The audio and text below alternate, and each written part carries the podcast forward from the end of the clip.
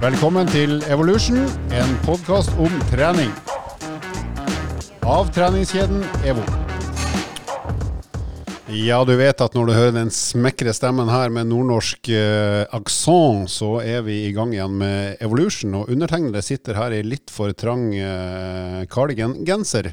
Det oppdaga jeg i dag tidlig, men da var det for seint. Så jeg kom meg i bilen og merka at den eh, trakk seg oppover eh, mot eh, øvre del av overkroppen eh, etter hvert som jeg bøyde meg framover i bilsetet. Så det hjalp ikke med setevarmer da? Ikke i det hele tatt. Andreas, vær så god og velkommen. Cardigan, er ikke det et band? The Cardigans? The Cardigans er et band, ja, men også et plagg. Er det da et av dine favorittband, ettersom du kjøper klær basert på bandet? Mitt favorittplagg da jeg var barn, det var pullover. Ikke for at jeg hadde det sjøl, men det hadde fattern. Som egentlig er en uh, slags vest du bare drar over skjorta, men som egentlig ikke er en finvest, men strikka. Er det også din favorittøvelse? Pullover, ja. Ja. Det er det kanskje. Burde det vært. Var det før? Ja, pullover det er jo en øvelse når du ligger på ryggen på benken, og så Mm. trekker Drar du hanteren over deg? Klassisk eh, kasttrening, egentlig. Sånn håndball og spydkast og sånn er jo mye pullover. Eller en liten ball. liten Jeg brukte det mye ja, i liten ball. Jeg brukte det mye Mora di var ganske god i det, Andreas. Det husker vi har mora, om før. mora mi, faktisk. Ja, mora di? Ja. Men jeg brukte det en del når jeg drev med diskos i yngre dager. Så brukte jeg pullover mye. Er det jeg og mora di som er god i liten ball? Jeg kastet jo, når jeg gikk i andre klasse, kasta jeg sjuende kravet. Det var, da var jeg lovende, Ja, faktisk. det er sterkt. Ja. Mutter'n har iallfall sagt at hun var god til å kaste liten ball. Det er også det eneste hun mente hun var god i, Sånn fysisk. Ja, og så gikk det nedover, da. Så jeg kaster jo fortsatt like langt som jeg gjorde i andre klasse. Jeg hiver fortsatt like lang diskos som jeg gjorde i 7. klasse. Eh, Velkommen også til Lars. Takk for det. Velkommen. Takk, takk. Velkommen. Takk for deg. Det er snart eh, Eller det er mye sport på TV, det er det jo bestandig i og med at vi har internett og masse kanaler, men eh, det er vinter, og da er det høysesong for vintersport. Og eh, vi tre er jo glad i å se på andre drive aktivitet, i tillegg til å gjøre det sjøl. og nå er det VM i snøsport som foregår. Er det noe dere får med dere, boys? Ja, det er jo akkurat starta i disse dager, og det er jo i Norge, på Lillehammer og Hafjell. Så det er jo kjempespennende at vi har fått det til Norge. Og det er jo en, en gruppe av idrettsutøvere som har fått kanskje litt mer blest i det siste året, kanskje. Både i forhold til eh, premiepenger, som har vært en diskutert eh, greie. Eh, der de tidligere, eh, for vi hadde et eksempel med Jesper Saltvik Pedersen, som eh, sitski, alpinist. Fantastisk god og et eh, enormt sånn hode eh, var kommet til råskap. Eh, hvor de fikk ost i pengepremie, eller i første premie. Og han fikk eh, x antall kilo ost som han, eh, som han da vant. når Som han skulle ta med seg hjem? Som han ta med hjem fra Sveits. Og der har jo DNB blant annet vært med å sponse noen premiepengene på Hafjell i snøsport, som det så fint heter. Jeg mener det er jo eh, generelt dårlig gjort å, å gi premier som er ferskvare.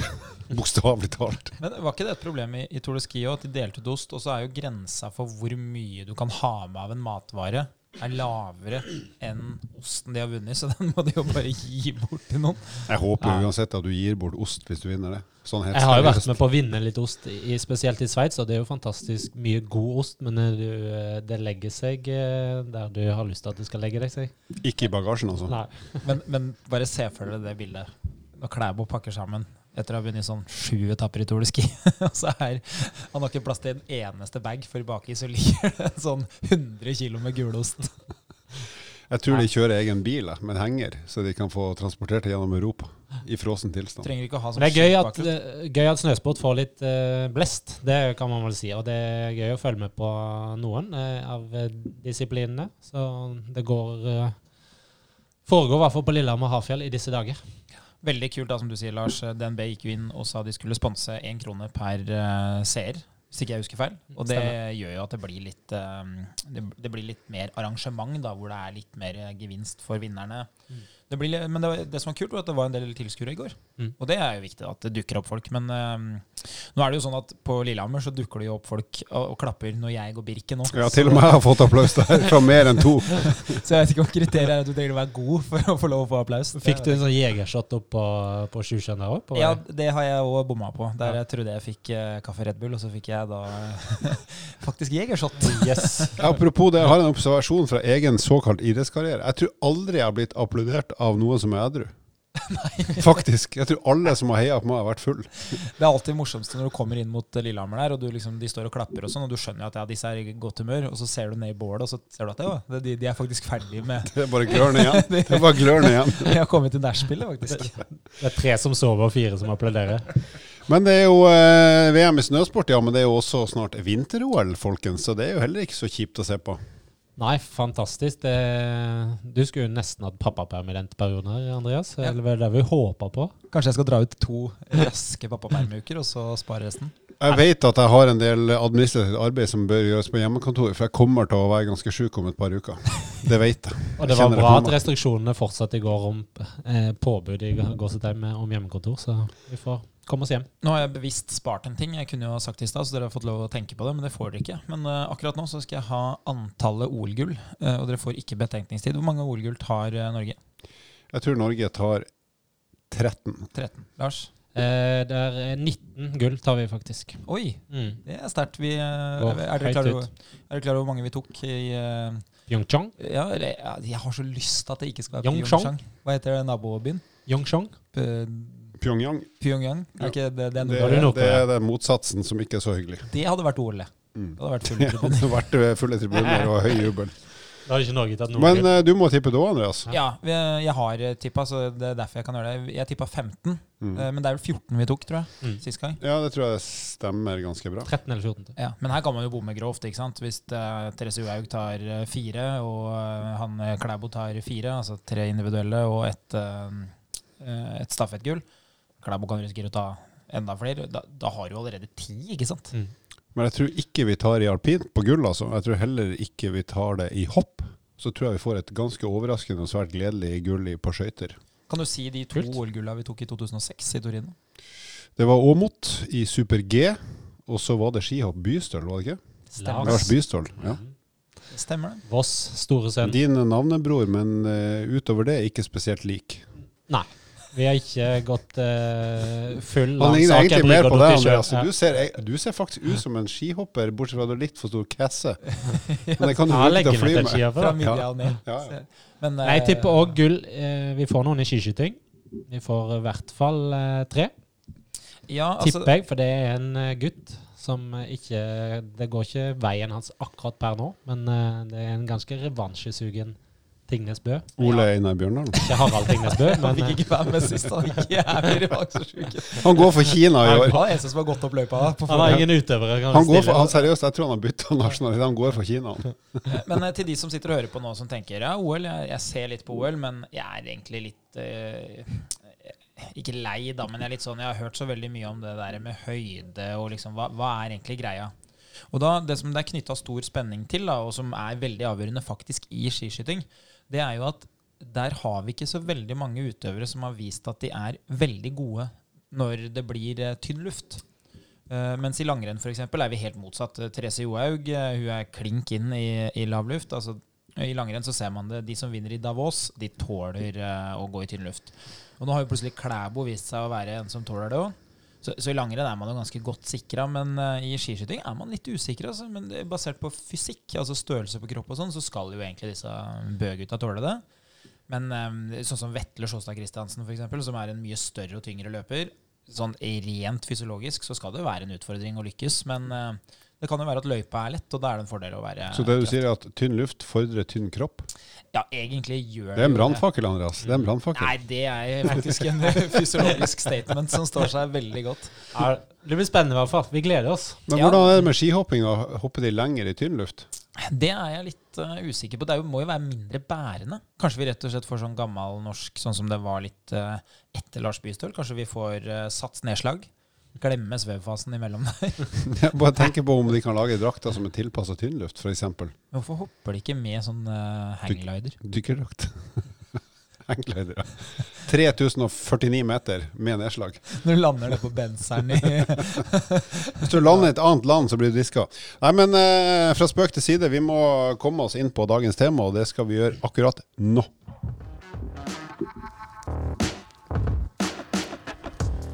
Vi skal snakke om eh, vedlikehold av treningseffekt eller form. Eh, og inspirasjon til temaet der, det har vi fått fra Det eh, en som heter Maks prestasjon på Instagram, bør følges. Der ligger det ukentlig goods eh, som er treningsoppdatering av stort sett eh, gode referanser og interessante forskningsprosjekt som eh, vedkommende formidler veldig godt og tydelig på, på et lettfattelig nivå. Så følg Maks prestasjon på Instagram, da får du med deg mye gode tips. Eh, det vi skal se på nå, da, det er rett og slett eh, vi trener jo for å opprettholde form, form, eller komme i bedre form. Og så er det jo enkelte perioder der man tenker at nå har jeg ikke så mye tid til å trene, eller jeg har planlagt å ikke trene så mye. Ref. Lars. Se på meg, Karl Einar. ja. eh, så er jo spørsmålet ok, hvor, hvor, lite kan jeg da trene for å ikke miste form? Eller opprettholde sånn i høvelig grad i hvert fall den formen jeg har opparbeida meg, enten det har skjedd over mange år eller noen måneder eller noen uker.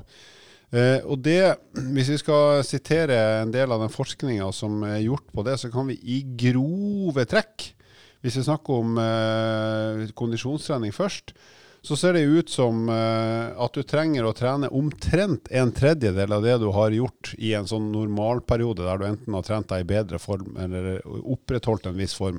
Og husk på, da snakker vi ikke om at hvis du er utrent, så, så, gjelder jo ikke det her, for da har du på en måte ikke noe treningsmengde å sammenligne med. Men hvis du er i en sånn høvelig god form eller bedre, så ser det ut til at omtrent en tredjedel av normal treningsmengde er det som skal til for å opprettholde formen, iallfall i en viss periode. Ja, og det, det, stemmer jo ganske godt overens med det man erfarer eh, på egen hånd. Det er jo veldig lett å opprettholde formen, men det man ser, da, det er jo at det har jo et utløp. sånn at hvis du velger å gå for en, en tredjedels uh, variant, da, si at du i en periode trener tre dager i uka, og så går du ned til én dag i uka, så vil man se at etter en stund så holder det ikke. Så det holder veldig lenge, men så på et eller annet tidspunkt så, så blir det for vanskelig. Og det skyldes nok ikke at det ikke er nok men at du faktisk ikke klarer å holde på den ene dagen. For hvis du mister den ene dagen, da, så er det plutselig to uker mellom treningsøktene. Og da går det utforbakke ganske kjapt. Um, men en morsom digresjon her, da, som vi snakka litt om før vi starta, det er jo at hvis du ikke har noe å tape, så kan du ikke tape noe. Så hvis du ikke trener Og har, altså, du har ikke trent på lenge. Ja, du er rett og slett utrent. Da trenger du faktisk ikke å trene for å holde deg i den formen du er. Nei, Så er du totalt ute av form, så er innsatsen du trenger for å, for å vedlikeholde det å være totalt ute av form, det er null. Det er null. Så sånn sett et hyggelig utgangspunkt da, hvis, hvis, man virkelig, hvis, man virkelig, går inn for å opprettholde ræva form. Hvis du er villig til å lukke øynene, uh, altså øynene dine for risikoen det medfører å være i så dårlig form, så har du egentlig et fantastisk utgangspunkt for å kunne planlegge godt. Jeg mener at det eneste gang du skal, skal åpne øynene, det er når du ser på skjerm. Eller så bare lukke øynene. ja, ikke sant. men det er viktig å si her nå, nå fjaser vi litt her nå, men, men det her med å opprettholde en form med en tredels uh, mengde trening over en viss periode, men ikke i, i, evigheten. Men det fordrer jo også at du da i kondisjonstrening har høy intensitet. Så hvis du f.eks. er i Ta Andreas som eksempel, som er i brukbar kondisform eh, om dagen og løper mye. Hvis han da skal gå ned til ja, en tredels treningsmengde for deg, det betyr kanskje to løpeøkter i uka, da, hvis du skal gjøre det enkelt, så kan ikke det være to kjempelette, rolige økter. Da må du rett og slett gønne på, få hjertepumpa til å slå og holde ganske høy fart for at det skal være nok til at du da opprettholder den formen du har opparbeida deg. Så du, du, kan tenke at volumet trening kan du kutte ned til ca. en tredjedel, men intensiteten i treninga må være da høy for at det skal fungere ganske bra. Ja, du må jo du må kutte ned med de øktene som er uh, utviklende, og som på en måte har skapt nivået. Så hvis du tenker at man trener seks dager i uka, da, så er det nok trolig to økter som er hovedessensen i at du har fått den formen du har. De to intervalløktene. Og da er det jo da er det jo en av de øktene du er nødt til å ta vare på den ene gangen. Du, du kan jo ikke gå fra å kjøre knallharde intervaller til å jogge en dag i uka. For da har du egentlig ikke kutta til en tredjedel. Da er du kanskje nede på en tidel av den belastninga som du hadde. Ja, du må jo ha en tredjedel av den tida du har i gitt sone og gitt intensitet. Veldig enkelt sagt. Så, så, man må jo regne seg frem til hvor, hvor, mye man trener til vanlig i normal hverdag, og så finne ut hvilken intensitet man skal ha, og hvor mye. rett og slett. Og hvis man tenker, Hvem er det her relevant for? Eh, så er jo det her fryktelig relevant for veldig mange idrettsutøvere. De idrettsutøverne som driver med litt sånn sammensatte idretter. Eh, som da i perioder er nødt til å være helt sånn kyniske i valg av hva de skal trene. Eh, vi kan jo bruke et veldig enkelt eksempel, da, fordi at det består av tre ulike ting. Men hvis du tar en triatlonutøver som da først skal svømme, sykle og så løpe, så vil det være veldig vanskelig å drive og trene alt like mye hele tida. Fordi da vil du aldri få hvile. Så du kan ikke du kan ikke på en tirsdag kjøre intervall svømming, intervall sykkel, intervall løp, og så dagen etter kjøre langtur på alle, for da, da vil du bare ende opp med å ødelegge kroppen. Så det de må gjøre, da, det er at de må da i perioder eh, gjerne velge noe som heter litt sånn type blokktrening. Og da kan man si at ok, nå i de neste fem ukene eller neste ti ukene så skal jeg fokusere på å bli en bedre løper. Eh, og da er jo spørsmålet hvor lite kan jeg trene av svømming og sykling for å fremdeles beholde den formen som jeg hadde meg, trent meg opp til. Og da kommer jo det her veldig godt inn. Da Da er det ca. en tredjedel. Uh, og da, som du sier, Lars, da må du jo se ok, uh, hva er det jeg har hatt av intensitet når jeg har trent. ok, I løpet av en uke så har jeg kanskje hatt én time i sone fire, jeg har hatt tre timer i sone tre når jeg har sykla. Ok, men da er det det jeg må finne igjen, da, eller bruke andre parametere som watt eller et eller annet som du bare vet at ok, dette holder. Så når jeg da kommer ut av den løpende treningsperioden, hvor jeg da kanskje må bytte bort løping og inn med sykling eller svømming, så må jeg bare da flytte det ned til en tredjedel. Så det er veldig mange idretter som egentlig bruker det konseptet her veldig, veldig nøye. Da. Eh, når er det her aktuelt? Det er jo for de fleste av oss som da ikke er idrettsutøvere på heltid. Det er jo da typisk i ferie, ferietid, eller når du vet at nå skal jeg et sted eller gjøre noe annet over en, to, tre, fire uker enn det som er hverdagen. Sånn at du skjønner at her eh, enten trenger du en liten, kall det en eh, pause fra treninga, eller så skjønner, blir du tvunget til det. Så da er det et eller annet med å finne ut av ok, da, hva skal jeg gjøre for å i hvert fall ha et ålreit utgangspunkt når jeg er tilbake igjen i min daglige rutine. Eh, og så planlegger jeg ut fra det, sånn som du snakker om, Andreas. Og Det samme gjelder jo styrketrening. Man må jo òg der òg ha en viss intensitet ut ifra det man har gjort tidligere. Og så er det avhengig av hvilke mål man setter seg, om det er maksstyrke, dvs. Si å bli sterkere, eller om det er mer på den andre sida å bygge mer muskelmasse, altså den hypertrofie delen. vår. da må man trene nærmere utmattelse på den ene eller to øktene man har per uke, så man òg dekker det behovet. Så det prinsippet er mer eller mindre akkurat det samme der i forhold til intensitet, og da motstand, altså vekt og eh, antall sett og repetisjoner, som må ligge til grunn. Ja, og Hvis du skal da gjøre det rent sånn praktisk i styrketrening, da, så betyr det at hvis du hadde tre serier med veldig tung knebøy en dag i uka, så ville du kunne opprettholdt den styrken du har hvis du hadde kjørt ett sett knallhardt. Um, eller så kunne du sagt at hvis du har tre øvelser som går på samme muskelgruppe det, det, er litt spesifikt og vanskelig, da, men de må være ganske like. De kan ikke være veldig forskjellige. Det, det må være like øvelser med veldig stor tyngde. Så kunne du i teorien tatt bort to av de, og så bare bevart den ene. Og Det er jo derfor, eh, blant annet sånn som for min egen del, at jeg har sett at hvis jeg kjører markløft, knebøy og benkpress, så vil jeg prestere ganske godt i mange av de støtteøvelsene som jeg har kjørt veldig mye av tidligere. Fordi de øvelsene er tunge nok i seg selv til å på en måte opprettholde den en tredjedels eh, mengden da, som skal til for å fortsette å få lov å være ganske sterk.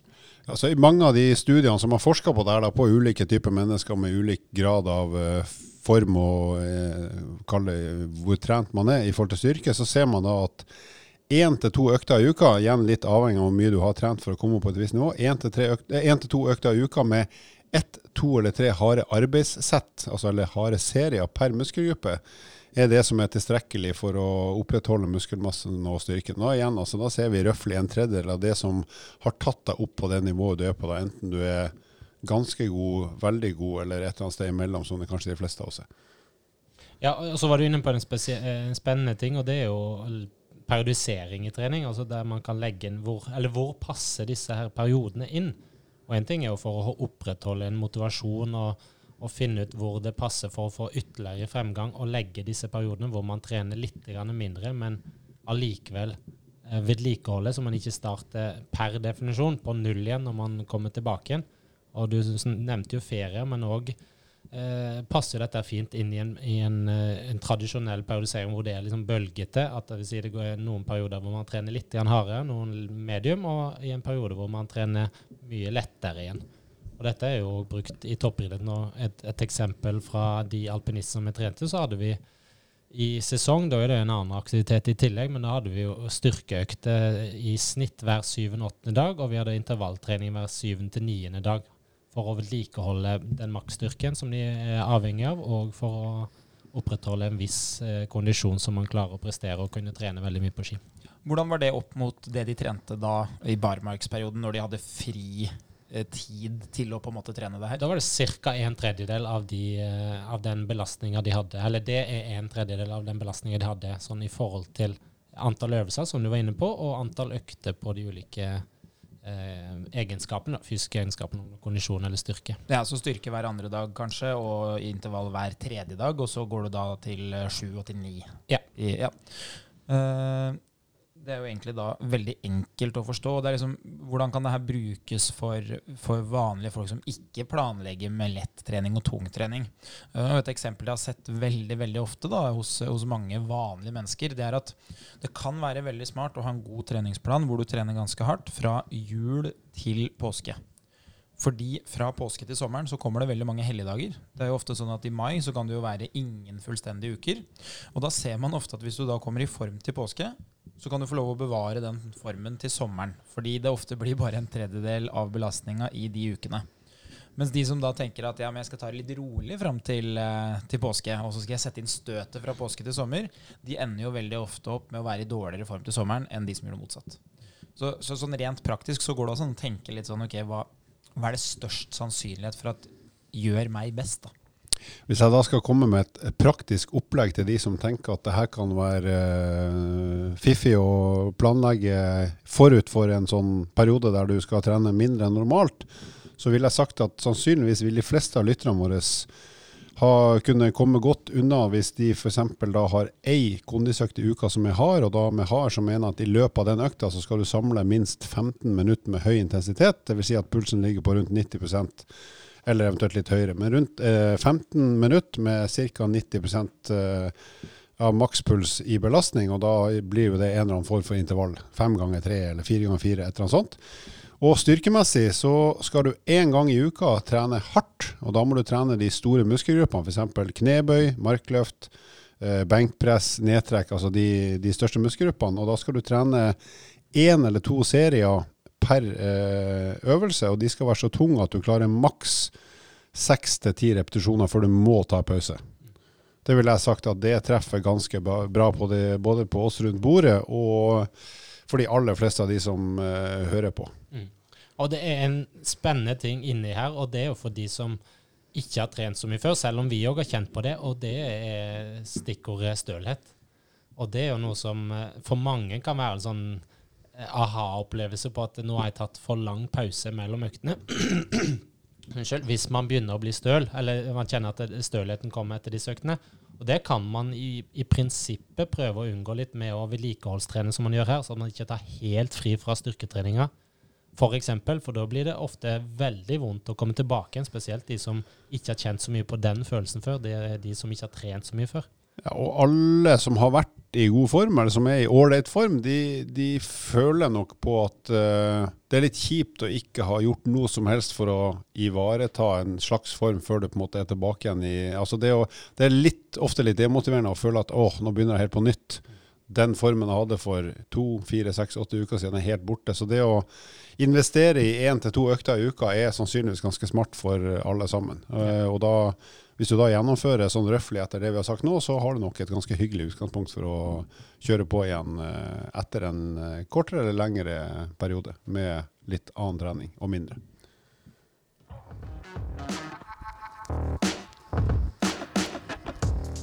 Vi eh, sitter jo i studio og fikk beskjed i går om at det er litt lettelser i koronatiltakene, så vi skal ikke bable om det. Men, eh, men det er liksom det som har prega nyhetsbildet. Det er pluss et uvær som kalles gyda, eller gyda. Eh, og det skal vi heller ikke snakke så mye om. Ja. Er ikke det kona til Hårek? Hårek jeg tror det. Hårek den hardballende fra Kjøtta, faktisk. og Kjøtta med te. Men det vi skal tease litt, som det da heter på TV-språket og sikkert i radio òg, det er at den TV-serien som heter 16 uker i helvete, den har vi nå sett én episode av. Og vi som er rundt bordet, vi skal se episode to førstkommende mandag, som, for da slippes den på TV Norge. Så da skal vi rett og slett vie en episode til å ja, se litt nærmere på hele konseptet og, og analysere det og ha meninger om det basert på de episodene vi har sett. Men kan, eh, jeg kan i hvert fall røpe at jeg syns så langt at det er veldig underholdende. Skal ikke jeg si mer enn det, men det er veldig underholdende å se på. Så for de som er litt interessert i eh, trening og hvordan det kan funke på, folk i dårlig form, så vil jeg egentlig anbefale å se på det, for det er gøy. Man kan jo trekke litt paralleller til eh, det han, eh, vår kjære venn Ronny Brede Aase var litt igjennom. For det var jo underholdning på en god måte, og vi har jo diskutert den i tidligere episoder. De resultatene og det han ønsket å få frem her. Og det er jo litt de samme prinsippene som kommer nok mest sannsynlig til å komme frem her òg. Litt eh, rabalder rundt hvordan de legger opp opplegget og kosthold og trening. og Samtidig så er det underholdning, da. Ja, og, Men her er det ingen tvil om at det skal trenes. Mm. Det var vel han Ronny Brede Han var vel egentlig i, i tvil om det var smart, men her er det Ja. ingen tvil om at Han det skal trenes. Han søkte jo ja. årsaker til hvorfor han ikke skulle få lov, eller trengte å trene. Her har deltakerne fått en oppsikt som skal gjennomføres. Ja. Skal ikke jeg eh, avsløre noe eller, eh, eller komme med en mening, men en ting som jeg alltid syns er morsomt, da, eh, når det gjelder eh, de tingene som vi har snakka om før, f.eks. den eh, Et fett liv som vi var innom nå, eller om det er eh, 16 uker med trening, eller om det er den um, perioden vi har gått igjennom med Trude, som da er en person vi har trent. Det som er morsomt, er at på forhånd så snakker man om hva man ønsker å oppnå. Og så gjør man en god del ulike virkemidler. Man finner seg en metode, og man, og man følger det. Fordi man håper at det skal gi de resultatene man ønsker. Eh, Men så er det sånn at mellom da 'dette er det jeg vil', og 'dette er hva jeg har fått til', så føler man jo veldig mye. ikke sant? Det er jo, eh, for en som jobber som personlig trener, så er det jo sånn at virkemidlene er ofte veldig like. Men hvordan du får eh, kunden din, eller da den personen som du følger opp, da, til å nå de, er veldig ulikt. Basert på hvordan de er innstilt som person, hvilke personlige egenskaper de har. Men det som er morsomt, er når du kommer fram til endestasjon og ser resultatet, så er det veldig enkelt å beskrive eh, årsaken til at du har oppnådd dette, er fordi én, du har enten bevega deg mer enn eh, hva du trengte. Så du har mista eh, kroppsmasse fordi du er, har eh, gått for mye, rett og slett. Eller to, du har rett og slett spist veldig mye mindre enn det du gjorde før. Så veldig ofte så ser vi at årsaken til resultatet den er sabla enkel.